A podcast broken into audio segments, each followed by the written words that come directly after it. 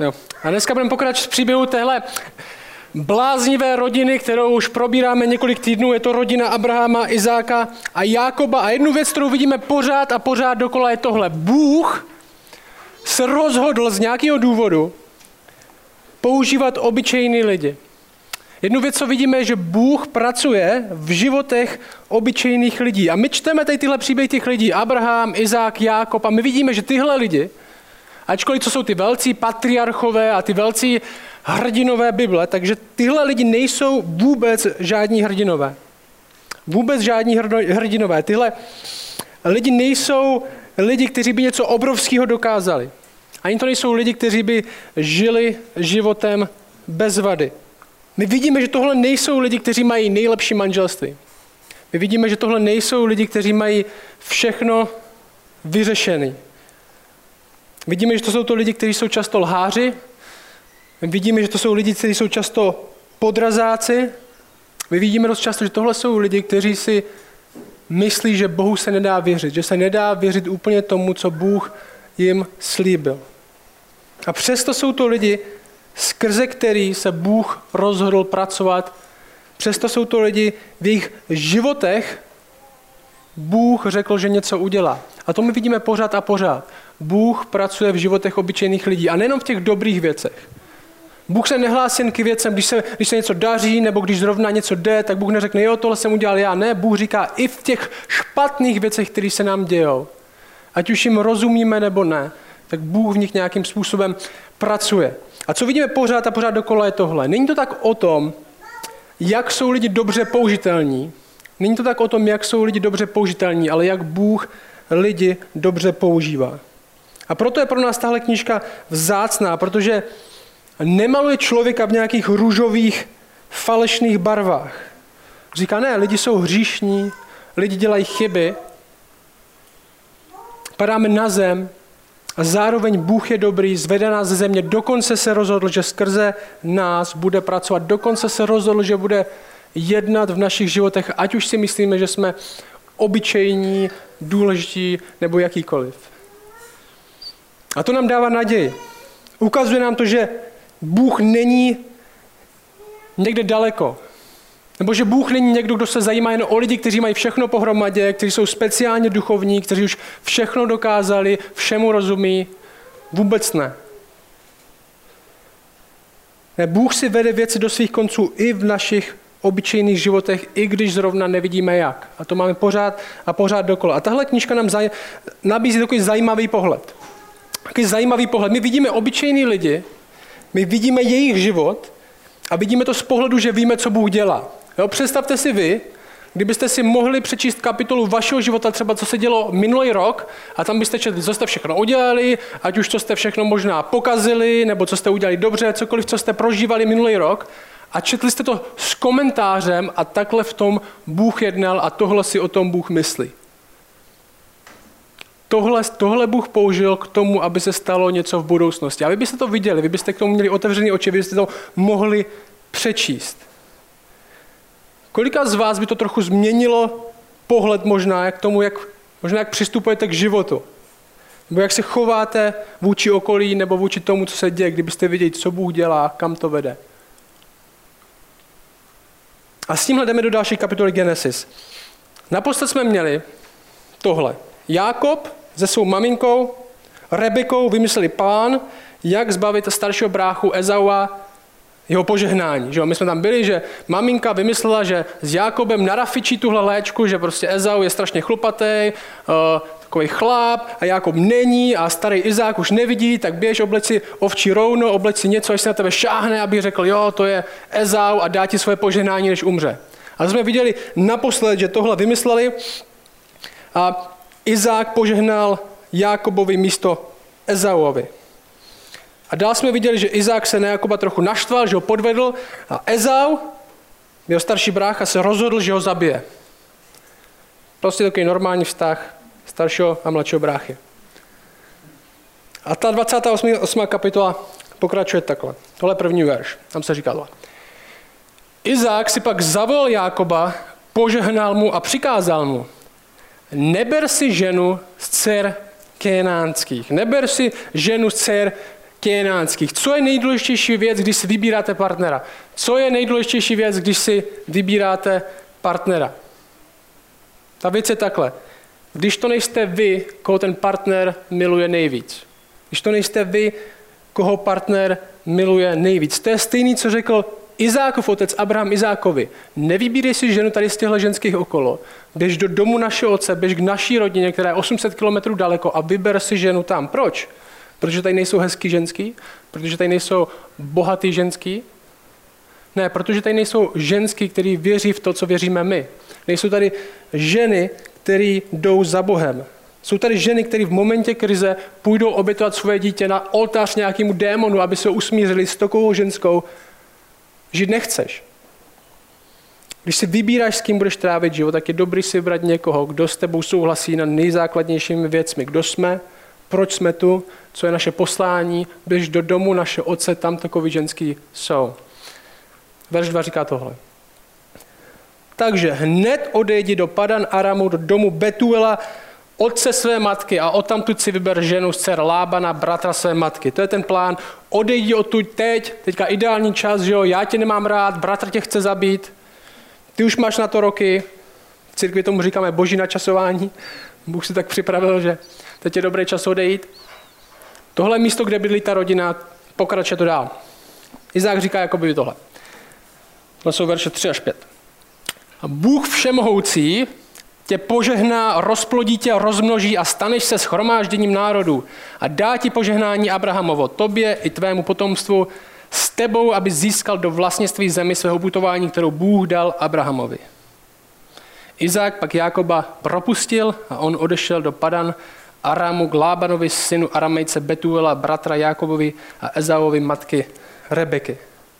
A tohle je zajímavý, tohle přechod, kde Izák sám rozpoznává, že to požehnání, který dal Bůh Abrahamovi, to, že požehnám tě, budeš požehnáni všem národům, rozplodíš se, naplníš zemi, teďka pokračuje přes Jákoba a ne přes jeho staršího bráchu Ezaua.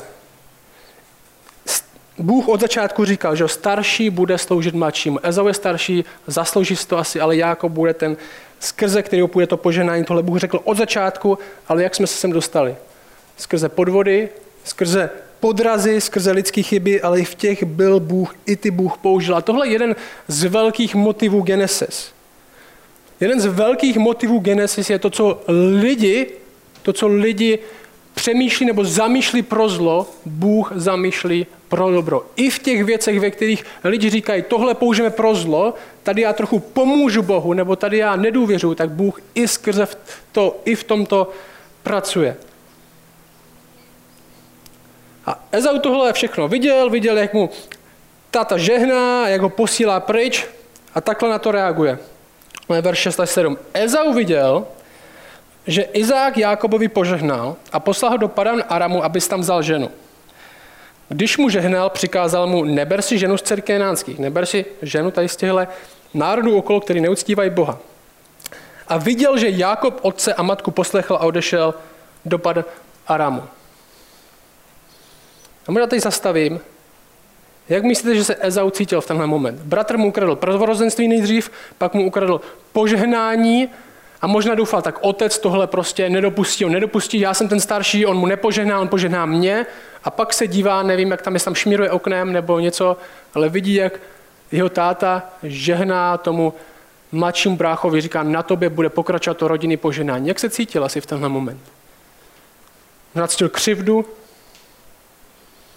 možná se cítil zrazen těma, kteří mu byli blízko, možná se cítil okraden, Možná ty zažil něco podobného, možná, možná trochu víš, jak se cítí. Že možná si někdy cítil, že něco bylo právem tvoje, ale nedostal si to. Nebo to dostal někdo jiný, to ještě horší. Možná si byl zrazen někým, nebo si byl okraden o něco. Nebo se někdo k tobě nechoval tak, jak, by si, jak si myslíš, že by se měl chovat. Jak to ovlivní tvé chování, když se k tobě chová někdo, jinak, než by si myslel, že by se měl chovat. Když zažíváš křivdu, jaká je tvoje reakce? Je to pomsta? Je to prostě uzavření sám do sebe, přestát důvěřovat tady těmhle lidem? Nebo možná touha zavděčit se zpátky. Nějak to zamíst pod stůl a zavděčit se zpátky. tohle je reakce Ezaua, verš 8 a 9. Ezau také viděl, že kenanské se jeho otci Izákovi nelíbí. Ezau tedy šel k Izmaelovi a přibral si ke svým ženám za manželku Machalatu, dceru Abrahamova syna Izmela, sestru Nebojátovu. Je takový trochu zavděčení, tak otec nemá rád tady tyhle ženský, tak já si beru nějakou jinou. A tohle bude velký kontrast téhle kapitole mezi Ezeoem a Jákobem. Proč to Ezau udělal? Možná se chtěl zavětšit, ale tohle dcery Izmaelovi, my víme, že taky nebyly věřící ženy, že nebyly ženy, kteří šly za Bohem. To je něco, jako kdybych, eh, řekněme, Radka poslal pro kafe a řekl mu, Radku, běž mi pro kafe, ale rozhodně nechoď do Alberta, běž do Pikoli. A Radek by si řekl, hmm, on nemá rád Albert a zašel do Lidlu. Myslíš, že by ho pochválil? Kdyby šel s kafem z Lidlu? Možná Andra by ho pochválil, ale já jsem poslal do Pikoli. To je stejný. Ja, Izák poslal Jakoba 800 kilometrů daleko, aby si našel ženu z domu svého otce, protože tam jsou ty ženy, kteří věří v Boha. A Ezau si řekl, hm, tak Izákovi se nelíbí tady ty ženy vedle, tak já si že vemu trochu jiný ženy od vedle. Zapomínají na to, že už má dvě ženy, o kterých v předchozích dvou kapitolách bylo řečeno, že Izák a Rebeka kvůli tomu prožívali hořkost, kvůli jeho ženám. A on si myslel, že vyřeší tu situaci tak, že otec zpátky bude mít trochu rád, že si možná zajistí znova tu přízeň, když si vezme tady nějakou ženskou. Jedna známka toho, že nevíme, kdo je Bůh a nevíme, co pro nás udělal. A pořád dostatečně nechápeme, kdo on je, je tohle. Naše chování je pořád jen ovlivňováno tím, jak se k nám chovají ostatní lidi. Naše chování je pořád ovlivňováno tím, jak se k nám chovají ostatní lidi. Když žijeme tak, aby nás ostatní přijmuli, když pracujeme pro to, abychom před nimi nějak vypadali, když se mstíme, když oni nám něco udělají. Možná hodně z nás, z vás, jste otrokem dalších lidí a možná to nechcete úplně přiznat. A zeptám se vás na jednu otázku. Nebylo by osobozující, Nebylo by osobozující, kdyby to tak nebylo. Nebylo by osobozující, kdyby naše chování nebylo ovlivňováno jen tím, jak se k nám chovají ostatní lidi. Jak bojujeme o jejich přijetí, jak bojujeme o to, jak budeme vypadat v jejich očích. Jak se uzavíráme do sebe, když cítíme křivdu. Jak si myslíme, že máme nárok na pomstu, když nám někdo udělá nějaký zlo. Nebylo by osobozující, kdyby naše chování nebylo ovlivňováno tím, jak se k nám chovají nebo zachovají ostatní lidi. Jdeme dál. Verš 10. Jakob odešel z Beršeby a šel do Cháránu, tohle znovu putování, který prošel jeho táta, jeho děda. Verš 11. Dorazil na jedno místo, přenocoval tam, protože slunce zapadlo, no, neměl ještě baterky, vzal na tom místě nějaký kámen, dal si ho pod hlavu a na tom místě ulehl. No, tohle je úplně jiný způsob kempování. Že jo? Tohle není, stavil se po cestě v dekatlonu, koupil si vybavení, nějaký stán spacák, vařič, aby si ráno mohl udělat kafe. My jsme teďka byli v týdnu s klukama na horách, spali jsme tam. Ani ne pod čirákem, v chatě. A jediný, co jsem neměl, co byl fakt špatný, Všechno bylo dobré, měli jsme vytopený, kamnama vytopenou chatu, pohoda, spacák, madrace. A jediný, co jsem kvůli čemu jsem nemohl spát, je, že jsem neměl polštář.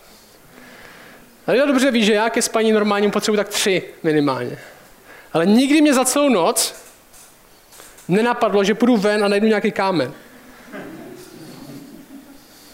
Ale tak to asi dřív chodilo. To byly asi, možná byly měkčí kameny v té době. A verš 12. A měl sen, takže usnul asi na tom kameni. A měl sen. Hle, na zemi stál žebřík, jehož vrchol dosahoval do nebes. A hle, po něm vystupovali a sestupovali boží anděle. Teďka uvidíme, že Bůh k němu začne mluvit skrze sen. My víme, že Bůh to tak v Bibli už udělal několikrát, že mluvil k lidem skrze sny. Je to taková zajímavá věc, že Bůh mluví skrze to, co se nám děje v hlavě. Je zajímavý o tom přemýšlet. To neznamená, že bychom si měli dělat rozbor každého snu, co se nám zdál a říkat si, jak mi se včera zdálo, že mám velký barák a hodně peněz. co mi asi chce Bůh říct. Možná proto, že moc chci peníze. Ale nemusíme si dělat rozbor každého snu, který se nám zdá. V Biblii pokaždé, když má někdo takový sen, kde k němu Bůh mluví, tak zcela jasně ví, že to byl Bůh, kdo k němu mluvil, nebo je tak rozrušený, že to musí za každou cenu zjistit. Každopádně ten princip je tady znovu. Sen, když tak vezmete, sen je úplně obyčejná věc. Většina lidí ho má každý den. Je součástí našeho života a Bůh ho používá k tomu, aby mluvil k lidem.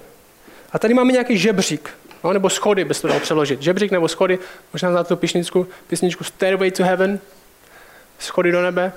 Tady máme schody do nebe, žebřík. Zem a nebe jsou spojeny společně.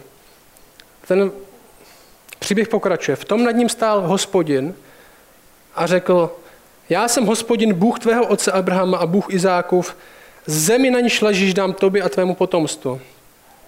Tvého potomstva bude jako prachu země. Rozhoníš se na západ i na východ, na sever i na jih. V tobě a v tvém semeni budou požehnány všechny čeledi, čeledi země. A hle, já jsem s tebou. Budu tě chránit, kamkoliv půjdeš, přivedu tě zpět do této země, protože tě neopustím, dokud nevykonám to, co jsem ti řekl. Dokud nevykonám to, co jsem ti řekl. Tady Bůh opakuje to, co řekl Abrahamovi. Teď to si ty. My vidíme, že celou tu dobu, celé ty dvě kapitoly, my jsme neměli moc boží komentář skrze ty podrazy, že jo, jak uh, Iza, uh, jak Jakob si vymyslel takovou tu frašku na to, aby Ezau zbavil to prvorozenství, pak jak si s maminkou vymysleli tu, uh, takový ten podraz, jak ho zbaví toho požehnání. Celou dobu tam nebylo, že a Bůh to komentoval, mně se to nelíbí. A nebylo tam, a Bůh to komentoval, já souhlasím. Ne, Bůh vůbec nic neříkal. Lidi si dělali, co si dělali a jediný, co tady vidíme, že Bůh znovu opakuje své požehnání. Bůh v tom byl, Bůh to řídil, i když lidi dělali špatné věci. A Bůh mu opakuje to, co řekl Abrahamovi. Ale teď jistě, teď se to ty. Už to není jenom víra tvýho dědy nebo víra tvýho táty, teď to seš ty, na tobě to pokračuje, já to potvrzuji. A nejen to, on mu říká, že to je brutus navíc. On mu řekl, a budu tě chránit tebe, kamkoliv půjdeš. Přivedu tě zpět, neopustím tě, vykonám všechno, co jsem ti řekl. A ta kapitola končí takhle. Nebo ještě nekončí, takhle pokračuje. Za chvilku bude končit. Když se Jákob probral ze spánku, si s otlačenou hlavou od kamene, řekl, jistě je na tomto místě hospodin a já jsem to nevěděl. Bál se a řekl, jak hrozné je toto místo. Což pak to není dům boží, není to nebeská brána, Jakub vstal časně ráno, vzal kámen, který si dal pod hlavu a postavil ho jako posvátný sloup. Musel být velký kámen. Na jeho vrchol vylil olej a pojmenoval to místo Betel. Původně však to město se jmenovalo Luz. Tohle místo, kde jsem se osobně mohl potkat s Bohem. Betel znamená dům boží. Se to jmenovalo Luz, znamená mandloň že to byl nějaký strom. Teď to je, tady mě potkal Bůh. A změní to, tenhle střed změní, jak Jakob bude přemýšlet. To, co mu Bůh řekl, změní, jak bude jednat. A způsobí to následující slib. A to tak končí ta kapitola. Verš 20. Potom Jakob učinil slib. Jestliže bude Bůh se mnou, bude mě chránit na této cestě, kterou se ubírám a dá mi chléb k jídlu a oděv k oblékání, takže se vrátím v pokoj do domu svého otce, bude hospodin mým Bohem. A ten kámen, který jsem postavil jako posvátný sloup, bude domem božím. A ze všeho, co mi dáš, ti jistě dám desátek. Dokonce desátek, že když jde o prachy, tak už to někdo myslí vážně. Ale poslouchej, tady ten velký kontrast téhle kapitoly. Tady je ten kontrast bezbožnosti a zbožnosti. A to je hlavní bod dneška. Naše chování je zakotveno v tom, jak se Bůh chová vůči nám, ne jak se k nám chová okolí. Naše chování je zakotveno v tom, jak se Bůh chová vůči nám, ne jak se k nám chová okolí. Jak se k nám Bůh zachoval v minulosti jak se Bůh k nám chová v přítomnosti a jak se zachová v budoucnosti. V tom je zakotvena naše identita jako křesťanů, v tom je zakotveno naše chování a náš život. Není to v tom, jak se k nám chovají další lidé. My nežijeme pro ně. Není to v tom dokonce, jak musím vypadat já sám před sebou. Já nežiju pro sebe. Je to v tom, co Bůh udělal a slíbil, že udělá. Poslouchej, jestli jsou to další lidi, jestli tvůj život se točí kolem toho, jak musíš ty vypadat před dalšíma lidma, tak to bude vytvářet buď přetvářku, buď přetvářku, nebo zlost. Přetvářku, protože nejsi tak dobrý, jak bys měl, tak se snažíš vypadat líp než si, snažíš se vykládat příběhy, které jsou zajímavější než byly, snažíš se oblíkat tak, jak by se normálně neoblíkal, aby si lidi mysleli, že jsi cool, aby si lidi mysleli, že jsi v pohodě. Nebo zlost z nepřijetí, protože tě nepřijímají takový, jaký jsi. Pokud žiješ pro sebe, tak máš na výběr píchu a zoufalství. Buď jsi tak dobrý, že jsi lepší než všichni ostatní, že, že žiješ podle svého standardu a tady tenhle to nedokáže, nebo zoufalství, já nejsem tak dobrý, jak bych měl být. Pokud je to Bůh, tak to vytváří lásku a svobodu. To vytváří lásku a svobodu. Proč? Jak to udělal? Ježíš umřel na kříži za hříšníky. Jak mi tohle může přinést lásku a svobodu? Takhle. Protože mi to řekne následující. Ty nevypadáš moc dobře. Ty nevypadáš moc dobře, to je pravda. Ve skutečnosti to zoufalství je tak nejbliž tomu, co bys měl cítit. Ty nevypadáš moc dobře, jsi hříšník, ty se zasloužíš smrt, a co jako, že jsi udělal tam tu zkoušku někde na škole? A co jako, že tady ti platí tolik zaměstnání? A co jako, že Franta odvedle si myslí, že jsi, že jsi opravdu uh, cool člověk? Ve skutečnosti jsi lhář, jsi podvodník a Bůh to ví. Bůh tě zná, všechny tvoje myšlenky, co jsi zdy myslel, všechno, co jsi kdykoliv udělal nebo chtěl si udělat, Bůh to zná. A zároveň Ježíš na kříži nám říká tohle. Ale i přesto tě Bůh miluje. Ale i přesto tě Bůh miluje a my následujeme jeho. A poštol Petr o něm říká tohle. Jako svobodní od okolí. Říká Ježíš tohle. Ježíš vám zanechal příklad, abyste šli v jeho šlépích. Jakých? On se nedopustil hříchu, ani les nebyla nalezená v jeho ústech. Když mu spílali, neodplácel spíláním, když trpěl, nehrozil, ale předával vše tomu, jenž soudí spravedlivě. Ježíš z nás vyhání píchu i zoufalství. Vyhání z nás píchu, my nejsme moc dobří. Vyhání z nás píchu, my nejsme moc dobří. Tady není žádný frajer mezi křesťanama. My nejsme moc dobří, ale nevede nás do zoufalství, protože nám říká, ale Bůh vás přesto miluje. Vidíte ty obě věci? Ty nejseš moc dobrý. Žádný prostor pro píchu. Ale zároveň a Bůh tě miluje ne na základě toho, jak dobrý se ty, ale jak dobrý On. Proto z nás to vyhání zoufalství, že jsme přijeti ne na základě toho, co uděláme, to, co jsme udělali, ale i přesto, že jsme nic neudělali. A Bůh nám přesto všecko, jaký jsme, zaslibuje úplně to samé, co zaslíbil Jákobovi. Budu tě chránit kamkoliv půjdeš. Přivedu tě zpět domů. Neopustím tě. Vykonám všechno, co jsem ti řekl. V životě Jákoba to teprve dokáže budoucnost. On to ještě neví, on Boha moc nezná. A říká tohle, jestli, že jo, on říká, Jákob učinil slib, říká ten text, jestliže bude Bůh se mnou, budu nějak žít, bude Bůh můj Bůh. My víme, že v životě Krista, Ježíše, Bůh už to dokázal. V našem životě už to dokázal, jsme věřící. Denně nám to prokazuje a my už neříkáme, jestli, že Bůh bude se mnou. My říkáme tohle, protože. Ne jestli, ale protože. My říkáme, protože je Bůh se mnou. Protože mě Bůh chrání na téhle cestě, protože mi dává to, co potřebuju, protože mě pomalu vrací domů, je Bůh mým Bohem. Ne jestli, ale protože. My jako křesťani žijeme s protože Bůh. Ne protože člověk něco dělá. To je ten hlavní kontrast. A ten žebřík, který tady máme, to spojení mezi nebem a zemí. My víme, na co to ukazuje. My víme, čeho je to stín. Že Ježíš Kristus je tím žebříkem, na který tenhle žebřík ukazuje. Kde to není o tom, že člověk si musí vypracovat nějakou cestu do nebe, že to není o tom, že člověk si musí postavit ten žebřík a nějak na tom vylíst. Není to o tom, že člověk musí se připravit být extra duchovní, aby nějak Bůh zasáhl. Ne, Jákob tam šel, spal na nějakým kameni, někde uprostřed ničeho a Bůh zasáhl. Bůh dal žebřík z nebe a dotkl se země. A tohle přesně dělá znovu. Tohle stín teprve toho skutečného, co přišlo v Ježíši Kristu. On je ten žebřík, on je ten, on, on je ten, ten schod do nebe, kde Bůh dává prostředníka mezi nebem a zemí a říká, hle, tady je cesta pro lidi. Ne jakou si člověk udělal, ale jakou jsem já udělal. A Ježíš to sám o sobě říká. Tohle je Jan, první kapitola 51. A on říká učedníkům, amen, amen, amen, pravím vám, od nějška uvidíte otevřené nebe a boží anděli vystupovat a sestupovat. To jsou ty slova žebříku, který ty židi, kteří to slyšeli, hodně dobře znali, vystupovat a sestupovat na čem? Na syna člověka. Na syna člověka, na mě.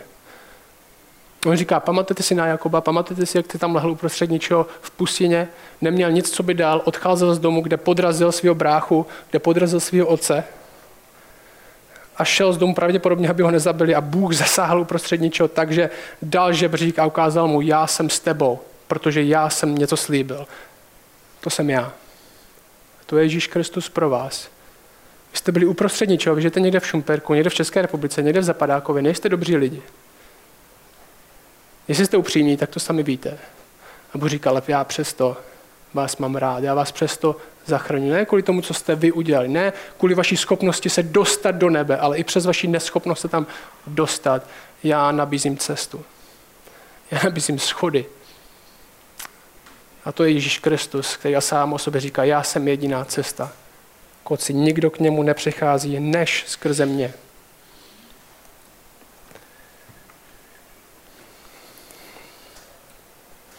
Čeče, prosím, aby tenhle týden aby byl proměněný tím, jak